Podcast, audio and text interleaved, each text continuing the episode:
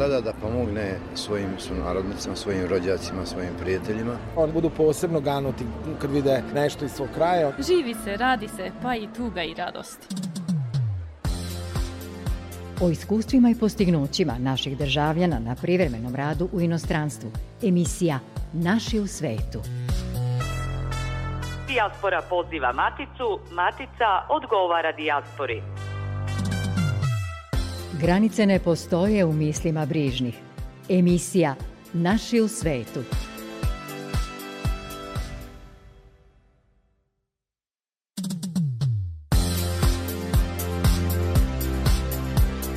Dobroveče i dobrodošli u novu sezonu emisije Naši u svetu u kojoj svakog petka u trajanju oko pola časa govorimo o postignućima sunarodnika u svetu i njihovoj vezi sa Maticom Srbijom. I dalje sarađujemo sa kolegama iz Radio Beograda 1, ali i sa medijima u regionu sa kojima razmenjujemo priče iz dijaspore kako bismo naše emisije učinili sadržajnijim za sve vas. Večeras o Kancelariji za pomoć izbeglima iz Bosne i Hercegovine, koja je nakon Beograda otvorena i u Novom Sadu. Čućete i kako se realizuje saradnja naših stručnjaka u svetu sa institucijama u Matici. Saznaćete i kako se Srbi u Mađarskoj spremaju za tamošnji popis stanovništva i kako je protekla skupština fonda Dijaspora za Maticu, koji je okupio ličnosti iz domaćih i međunarodnih institucija. Sa vama su u narednih pola sata za tonskim pultom Vesna Čanak, a pred mikrofonom Goran Pavlović. Marković. Direktor Privredne komore Srbije Mihajlo Vesović, koji je prisustvovao prvoj regionalnoj investicionoj konferenciji dijaspore u Beču, izjavio je da u povezivanju poslovnih ljudi iz Srbije i dijaspore leži odlična šansa za dalji ekonomski razvoj. Ekonomski efekat dijaspore, pored stranih investicija, je veoma značajan, kaže Vesović, i dodaje da je Matica poslovna šansa za naše ljude u svetu. Konferenciju je organizovao Međunarodni centar za razvoj migracionih politika iz Beča u okviru projekta Link Up Up. To je šansa da se naši stručnjaci u toj zemlji povežu sa poslovnim firmama u Matici.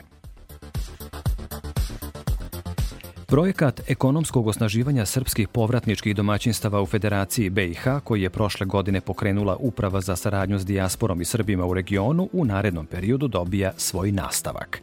Prošle godine je Uprava zajedno sa Centrom za podršku povratnicima u Unsko-Sanskom kantonu podelila 35 steonih junica porodicama koje se bave stočarstvom u Bosanskom Petrovcu. Nakon što su se junice otelile, 30 novih porodica iz te zapadnokrajiške opštine dobijaju u narednom periodu po jedno tele i to je druga faza samoodrživog projekta za koji je prošle godine izdvojeno više od 6 miliona dinara. Uprava za saradnju sa dijasporom i Srbima u regionu prošle godine je u Federaciji BiH finansirala još dva projekta ekonomskog osnaživanja srpske zajednice u Bosanskom Grahovu i Posavini. Za potrebe kupovine pčelarske opreme i sitne poljoprivredne mehanizacije izdvojeno je dodatnih 3 miliona dinara, čime je pomognuto oko 100 porodičnih gazdinstava. U sklopu projekta ekonomskog osnaživanja Severa Crne Gore, Uprava za saradnju sa dijasporom i Srbima u regionu, za podelu 20 steonih junica i 20 teladi domaćinstvama na, e, na severu Crne Gore izdvojila je ukupno 5 miliona dinara pomoći. U prostorijama Humanitarnog centra za integraciju i toleranciju u ulici Vojvođanskih brigada broj 17 u Novom Sadu otvorena je kancelarija za pružanje informacija i besplatne pravne pomoći raseljenim licima koja posjeduju imovini, imovinu u Federaciji Bosne i Hercegovine. To je nakon Beograda druga takva kancelarija u Srbiji, dok ih je u Republici Srpskoj šest. Do sada je kroz rad kancelarija pokrenuto više od 9000 predmeta za ostvarivanje imovinskih prava, kojima je obuhvaćena ukupna površina od oko 57.000 hektara. Kancelarija za pravnu pomoć Srbima poreklom iz Federacije BiH otvorena je sa ciljem da pomogne Srbima koji raspolažu pravom na imovinu na toj teritoriji kako je ne bi izgubili u postupku usklađivanja zemljišnje knjige. Direktor Uprave za saradnju s dijasporom i Srbima u regionu Arno Gujon istakao je na otvaranju te kancelarije u Novom Sadu da je u Federaciji BiH 1991. godine živelo 541.000 Srba, a danas ih je na tim prostorima oko 56.000. Oko 400.000 raseljenih Srba širom Srbije i sveta raspolaže pravom na imovinu u toj zemlji, naveo je Gujon. Usklađivanje zemljišnih knjiga i katastra koja se sprovodi trenutno u federaciji, postoji rizik da Srbi raseljeni, izbegli, koji žive širom sveta, širom naše Srbije takođe, izgube pravo na svoju imovinu. I zato smo pokrenuli mi u Republici Srbiji Fond Duška Ćutila, odbor za Srbe u regionu Narodne skupštine Republike Srbije, uprava za saradnju s dijasporom i Srbima u regionu čiji sam ja direktor, zajedno sa institucijama Republike Srpske kampanju informisanja Srba poreklom iz Federacije BiH o riziku da izgube svoju imovinu, a da o tome ne budu čak ni obavešteni. Otvorili smo u januaru ove godine jednu kancelariju za pravnu pomoć u Beogradu. Danas smo tu da prisustujemo otvaranju slične kancelarije za pravnu pomoć ovde u Novom Sadu, a treba znati da širom Republike Srpske postoji šest e, kancelarija za pravnu pomoć koja omogućavaju e, Srbima koji su poreklom iz federacije da zaštite e, svoju imovinu. To je osnovno ljudsko pravo, pravo na svoju imovinu i drago mi je što smo svi uključeni i svi složni oko te ideje kako bismo omogućili da ono što je bilo srpsko i pre rata, ono što je izgubljeno za vreme rata bude ipak vraćeno svojim vlasnicima i da niko ne može da izgubi ono što je pripadalo njemu ili njegovoj porodici. U Beogradskoj kancelariji se pomoć zainteresovanima za imovinu pruža od januara i kampanja o informisanju naših ljudi o njihovim imovinskim pravima u BiH će biti intenzivirana. Gujon dodaje da su institucije Srbije i Srpske udružene u tom nastojanju. Imali smo nekoliko sastanaka i sa predstavnicima e, Federacije BiH, sa ministrom za ljudska prava u Federaciji koji je izrazio naravno veliko zainteresovanje da rešimo taj problem jer je to problem osnovnih ljudskih prava. Ono što treba reći to je da oni koji su veoma aktivni u toj kampanji to su institucije Republike Srpske i institucije Republike Srbije. Otvaranje kancelarije u Novom Sadu nastavak je dogovorene saradnje više institucija Republike Srbije i Republike Srpske, potvrdio je i direktor Pokrajinskog fonda za izbegla, raseljena lica i za saradnju sa Srbima u regionu, Duško Ćutilo.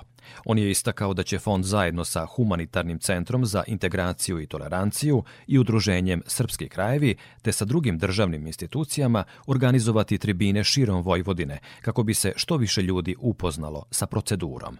I u Novom Sadu je počela sa radom kancelarija koja će kao i ove ostale pružati a, informacije, besplatnu pravnu pomoć svima koji posjeduju imovinu na teritoriji Federacije Bosne i Hercegovine, a ne znaju na koji način mogu da dođu do određenih informacija, da saznaju kakve su procedure i u tom smislu smo mi izdvojili sredstva za rad ove kancelarije kako bi ona za naše korisnike i za sve koji dođu bila a, besplatna. Radno vreme Kancelarije za informisanje i pravnu pomoć licima koja imaju imovinu u BiH je utorkom, sredom i četvrtkom od 17 do 20 časova, a broj telefona za dodatne informacije pozivni 021 528 132. U Srbiji su nedavno održani i dani Republike Srpske, koja je na taj način predstavila svoje potencijale ovdašnjim građanima.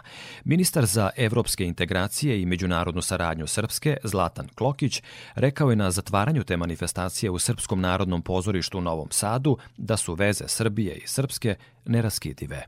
Ono što je doprinila ova manifestacija jeste jačanju mostova koje spajaju Republiku Srpsku i Srbiju, i želim da istaknem da ta saradnja nikada nije bila jača, nikada sa konkretnim projektima, jer zajedno radimo projekte na obostranu interes građana i Republike Srpske i Srbije. Klokić je istakao da pune sale na svim projekcijama tokom sedam dana sredinom septembra jasno prikazuju važnost te manifestacije i koliko ona znači Srbima sa obe strane Drine za njihovo jedinstvo i sabornost.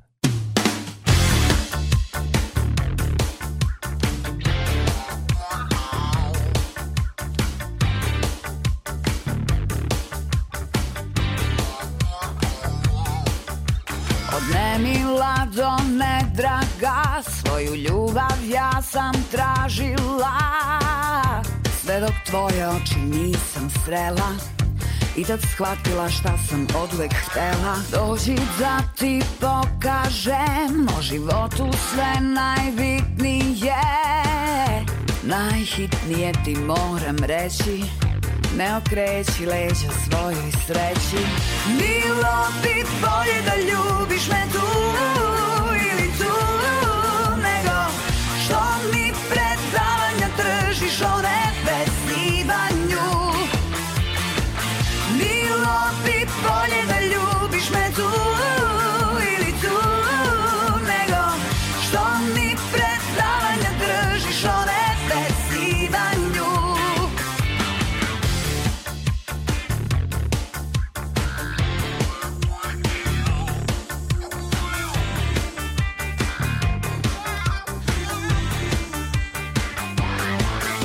Za tebe su me stvorili Kao što stvoren si za mene ti. Hajde ljubi me i nemoj nikad stati. Uvijek vijekova sreća nek nas prati. Dođi da ti pokažem O životu sve najbitnije. Najhitnije ti moram reći Ne okreći leđa svojoj sreći. Bilo bi bolje da ljubiš me tu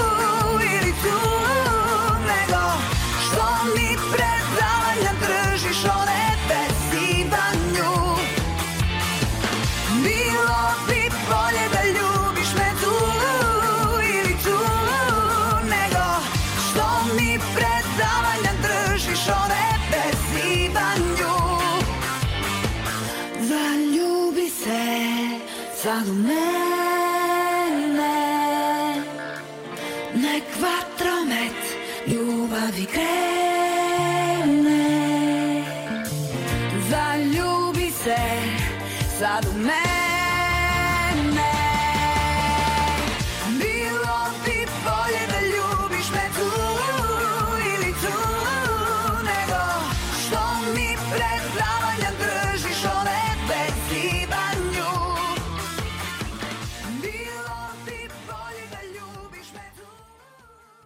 Emisija Naši u svetu. Projekat Nemačke organizacije za međunarodnu saradnju GIZ okuplja naše stručnjake iz dijaspore koji u Srbiji sarađuju sa Ministarstvom za rad, Nacionalnom službom za zapošljavanje i Komisarijatom za migracije. Cilj tih aktivnosti je uključivanje dijaspore u razvoj Srbije. Sa savjetnicom za kvalifikovane povratnike i rad sa dijasporom organizacije GIZ Snežanom Antonijević razgovara Slobodan Šorak. Program je baziran na tome da dovodite stručnjake iz inostranstva koji dolaze u Srbiju, čini mi se na nekoliko nedelja, na volonterskoj bazi i prenose stečena znanja uh, koje u drugim državama. Uh, ko su ti ljudi? Kako ste ostvarili kontakt sa njima? Program već dugo se sprovodi od 2016. godine u Srbiji i ovde je reč o ovaj, osobama sa migracijnim poreklom iz Srbije, a trenutno žive u Nemačkoj, a žele da podrže aktivno ovaj, ovaj, uključenje u razvoj matice i sve u skladu sa svojim kompetencijama prenose neko svoje stečeno znanje, veštine, ideje u instituciju u Srbiji. Cilj jeste ovaj, uključenje dijaspore u održivi razvoj Srbije, a ono što je odličan na, način da još sprovode i da podrže zemlju jeste taj lični, lično ispunjenje koje one, oni dobijaju ovaj, kroz aktivno učešće u programu. Pod kakvim uslovima oni dolaze u Srbiju? Angažovanje dijaspora stručnjaka jeste na volonterskoj bazi, ali uz određenu finansijsku podršku pri sprovođenju, a sama organizacija domaćina nema nikakvih troškova. Konkretna finansijska podrška za dijaspora stručnjaka se sprovodi u vidu nadoknade troškova boravka, znači za smešta i hranu, a ovaj, tu su još ovaj, i fina, finansijski podržani, po, podržavamo još kroz a, a, refundaciju putnih troškova i dobijaju osnovno zdravstveno osiguranje dok su u angažovanju u Srbiji. Gde i na koji način ti stručnjaci iz dijaspore prenose svoja znanja kad dođu u našu zemlju? Pa oni to mogu da urade u raznim državnim institucijama, organizacijama od javnog značaja, vladama, akademskim institucijama, privrednim komorama, organizacijama civilnog društva i nekim drugim nevladinim organizacijama, a širok je spektar različitih sektora gde mogu da pomognu, tu mogu biti menadžeri, finansijski savjetnici, inženjeri, stručnjaci iz oblasti prava, kvalifikovani radnici ili neki zdravstveni radnici. Ono što pored toga te finansijske podrške nudimo im i preporuke o, za odgovarajuću organizaciju od Srbiju, kao i obuku za uspešno ovaj, us, savladavanje metoda i alata razmene znanja, jer je to ključan element kako svoje znanje, svoje ideje koje su stekli u Nemačkoj mogu da prenesu na instituciju Srbiju. Povezivanje dijaspore i matice i te kako koristi našoj zemlji, zar ne? Tako je. Pored tog ličnog benefita samog dijaspora stručnjaka, saradnja i nakon angažovanja je i dalje u toku. Sprovode se aktivnosti uključenja studenta u razne ovaj, druge elemente ovaj, u drugim institucijama u Nemačkoj. I ono što je veoma važno pomenuti jeste da dijaspora stručnjak i dalje aktivan i nakon angažovanja. Ti kontakti koji su stečeni ostaju doživotno i uvek traju. Dakle, jednom kada naši ljudi odu ne mora da znači da smo se zauvek odrekli svih njihovih e, usluga, znanja i naravno tog ljudskog potencijala. E, kakve su reakcije ovde, a kakve su reakcije tih stručnjaka? E, ako se ne varam, vi ste imali već 11 ovakvih gostovanja. Zapravo imali smo 12, upravo mm -hmm. se završilo još jedno angažovanje. profesor Sahedskog fakulteta Svetsko Sopić je bio na ovaj, institutu za tehnologiju nuklearnih i drugih mineralnih sirovina. Pre toga isto gostovano na drugim ovaj, institucijama poput Instituta za hemiju, tehnologiju, metalurgiju, na Lola institutu. Prosto ovaj, ta saradnja je neminovna i o, o, ukoliko dijaspora, o, o, dijaspora stručnjak ili osoba iz dijaspore ima potrebu da ovaj, pruži određenu podršku, to se radi od srca i stvarno ovaj, ne, neizmerno je velikog značaja kako za Srbiju, tako i za Nemačku. Da, Svetska banka kaže da doznake dijaspore trenutno čine oko 8% nacionalnog dohodka zemlje, što je zaista, čini mi se, pozamašan iznos, a evo, evo primjera e, preko vašeg projekta da ta saradnja može da ide i na neke drugačije i još bolje načine. E, eto, hvala vam najlepše što ste govorili za povodom Radio Novog Sada. Sa nama je bila Snežana Antonijević iz Gizovog programa Migracije i dijaspora. Ovo je emisija Naši u svetu, Radio Novog Sada. Ove jeseni u Mađarskoj će se sprovoditi popis stanovništva koji je poslednji put bio realizovan 2011. Tada je srpska zajednica u toj susednoj zemlji imala oko 10.000 pripadnika. Prema najavama, metode popisa će i dalje biti pretežno tradicionalne, ali postoje i određene novine. Kako se za taj popis pripremaju Srbi u Mađarskoj, slušamo u prilogu koleginice Dijane Đurić. Na popisu stanovništva koje će u Mađarskoj početi od 1. oktobra po prvi put će se koristiti elektronski upitnici, a konačni rezultati bi trebali da budu najkasnije za godinu dana, Rečeno je na informativnom skupu koji je održan u sedištu samouprave Srba u Mađarskoj. Poslednja nedelja septembra će svaka, svako domaćinstvo dobiti pismo od statističkog zavoda sa šifrom sa kojom mogu da uđu na internet i da popune upitnik, a posle toga oni koji se nisu samo popisali do 16. oktobra biće popisani putem popisivača od 17. oktobra do 20. novembra, a oni koji potpuno izostanu iz svega ti će na kraju još moći sami da odu do beležnike da zatraže da budu popisani. Rekao je Pera Lastić, predstavnik samuprave Srba u Mađarskoj, zadužen za održavanje kontakata sa Zavodom za statistiku. Najveći akcent stavljanje na pronalaženje mogućih mera u cilju što uspešnijeg animiranja pripadnika srpske populacije radi izjašnjavanja o nacionalnoj pripadnosti. Izjavio je Igor Rus, potpredsednik samuprave Srba u Mađarskoj. U jednom naselju e, treba imati minimalno 25 popisanih da bi se na kraju u tom naselju mo mogla e, pokrenuti srpska narodnostna samouprava. Kako je objasnio Pera Lastić, zadužen za praćenje pravnih propisa i održavanje kontakata sa nadležnim organima po pitanju popisa, Veoma je važno znati da se ne popisuju samo mađarski državljani, nego i strani državljani koji borave u Mađarskoj više od tri meseca. Naš budući opstanak, naša budućnost u velikoj meri zavisi od toga koliko se ljudi izjasni na popisu da je pripadnik e, manjina u datom naselju, ali i na nivou cele države. Granice ne postoje u mislima brižnih. Emisija Naši u svetu.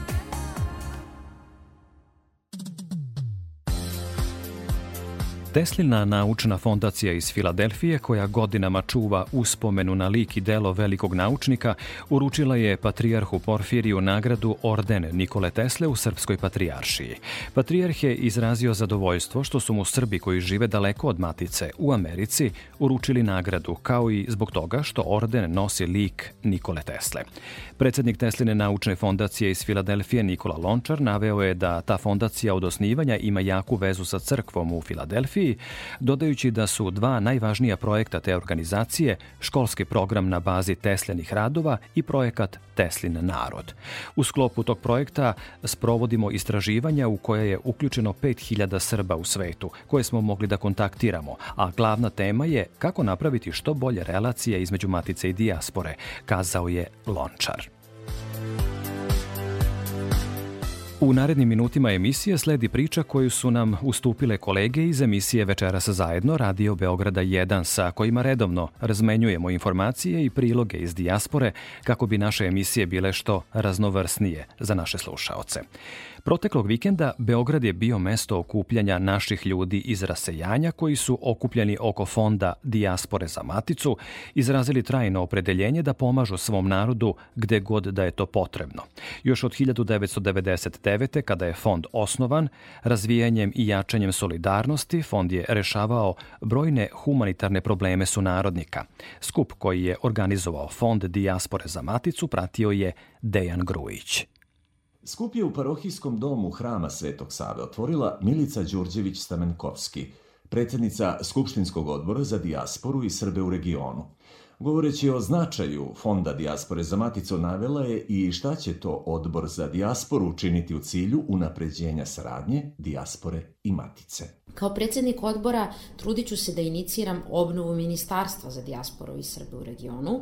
Smatram da je taj jedan veći institucionalni nivo neophodan ukoliko želimo da odnosi sa dijasporom budu na kvalitetnijem nivou. Takođe mislim da je važno da sve lokalne samouprave potpišu izvesne sporazume o saradnji sa fondacijama poput ove, koje su u prošlosti pokazale ne samo kontinuitet, već i savesno i odgovorno transparentno poslovanje, što je veoma važno ukoliko želimo i obnovu poverenja koje je određenim incidentima u prošlosti poljuljano. I želim da podvučem da je definitivno važno podsjetiti uvek iznova srpsku javnost da je dijaspora najveći investitor u državu Srbiju. Stručnjaci kažu da je u pitanju iznos od 4 milijarde e, na godišnjem nivou. E, dakle, mi želimo da sva vrata e, institucija budu otvorena za njih, da sve te neke eventualne birokratske prepreke budu prenebregnute i da pre svega stvorimo jedan ambijent u kome će oni imati poverenje u institucije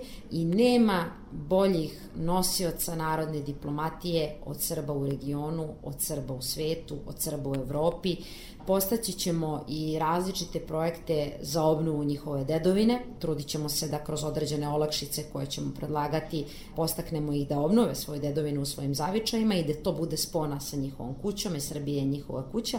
Kao predsednik odbora trudit ću se da pokrenem jedan projekat da se izvrši popis svih naših Srba u svetu sa vrlo jasnim i konkretnim podacima ko su ti ljudi, kako im je starostno doba, kako im je status, kako im je obrazovanje, da li zamišljaju svoju budućnost, svoje poslovno delovanje u matici, da li bi želeli na bilo koji način da pruže doprinos matici, dakle sa različitim kategorijama koja bi nam pomogla da mi kao država shvatimo da kada kažemo otišli su Srbiju u dijasporu, da shvatimo da mi te ljude nismo izgubili, već da smo na neki način i dobili.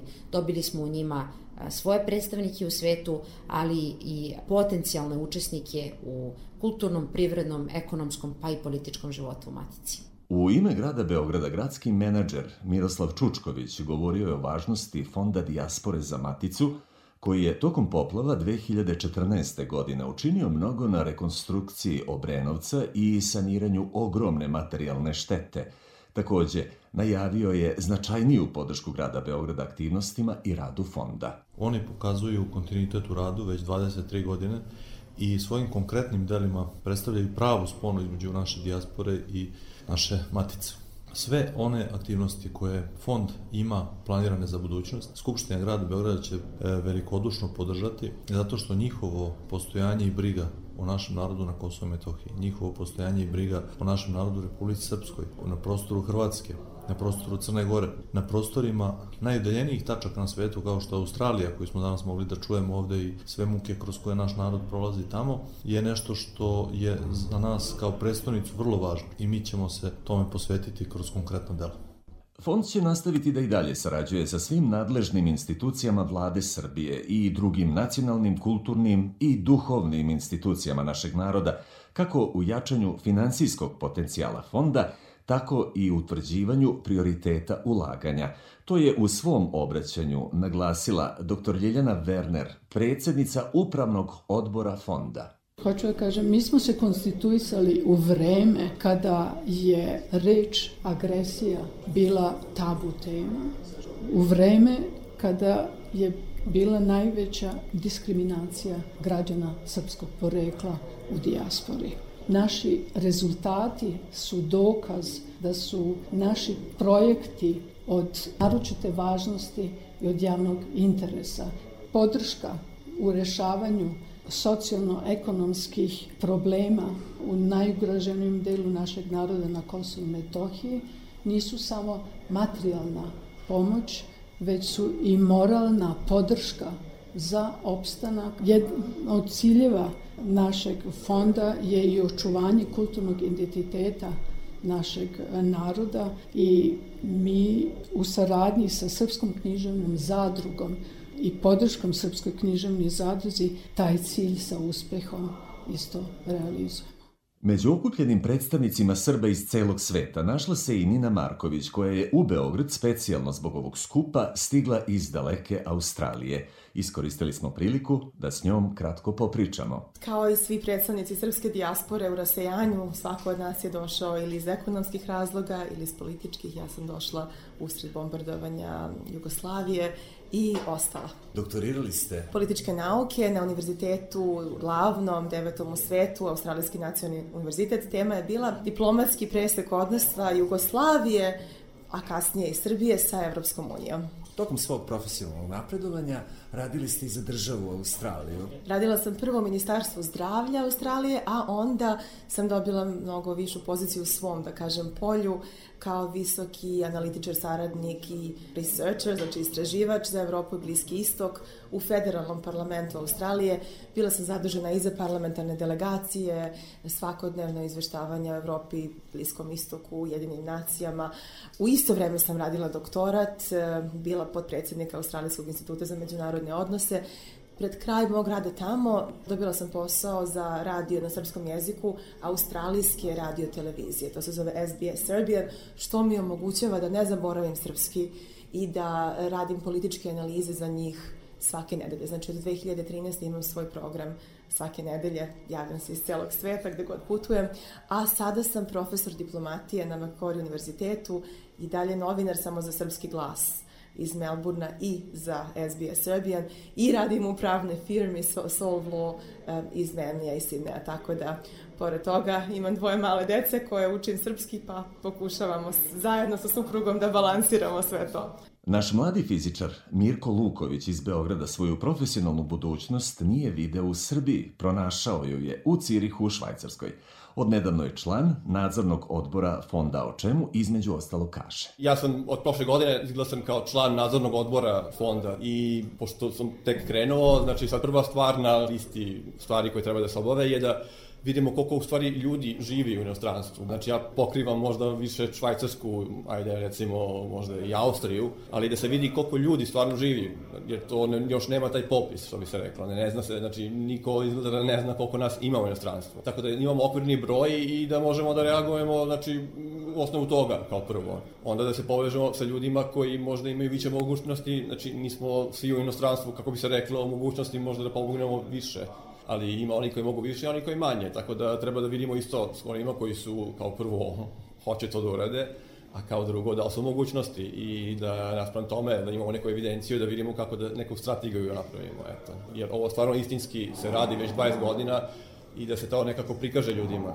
Po mom iskustvu ovo je stvarno možda jedina asocijacija ovog tipa koji stvarno ljudi rade bez, bez ikakve, što bi se reklo danas, nagrade, ne, ne traže nagrade, ne traže nikakve sredstva, nego sve po svom trošku i stvarno iskreno pokušavaju da pomognu koliko mogu.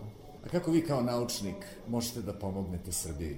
Kao prvo, to što isto jako važna stvar je da se održi uh, nekako taj uh, kontinuitet u obrazovanju da mi kao Srbi isto u inostranstvu pogotovo, jer svaka zemlja ima nešto u čemu je dobra, jel da? Kao i Srbija. Treba skupiti ta iskustva, znači naših građana, primjer mene isto, i da se zbog toga isto nekako ujedinimo, znači ta solidarnost isto da se napravi, da možemo da razmenjujemo neke ideje, da možemo da neku saradnju napravimo na nekom globalnom nivou, jel da, i da se to nekako isto kanalizuje naspram u Srbiju. To bi bila velika, jako dobra stvar, ali nije lako izvesti to, pogotovo kad radimo bez nikakvih sredstava, ali eto, mislim, sve se može na kraju, nije, samo je treba volja. Fond će biti otvoren za zajednička ulaganja sa organima i institucijama države Srbije u cilju očuvanja naše tradicije, kulture, umetnosti, a važan segment je i obrazovanje. Poštovani slušalci, sa vama su večera s pričama o vezi Matice sa svojim rasejanjem bili Dijana Đurić, Dejan Grujić, Slobodan Šorak i Goran Pavlović. Slušajte nas i sledećeg petka od 19.05 ili odloženo na sajtu rtv.rs. Na Facebook stranici Naši u svetu RTV pronađite sve informacije u vezi sa emisijom. Prijatno veče.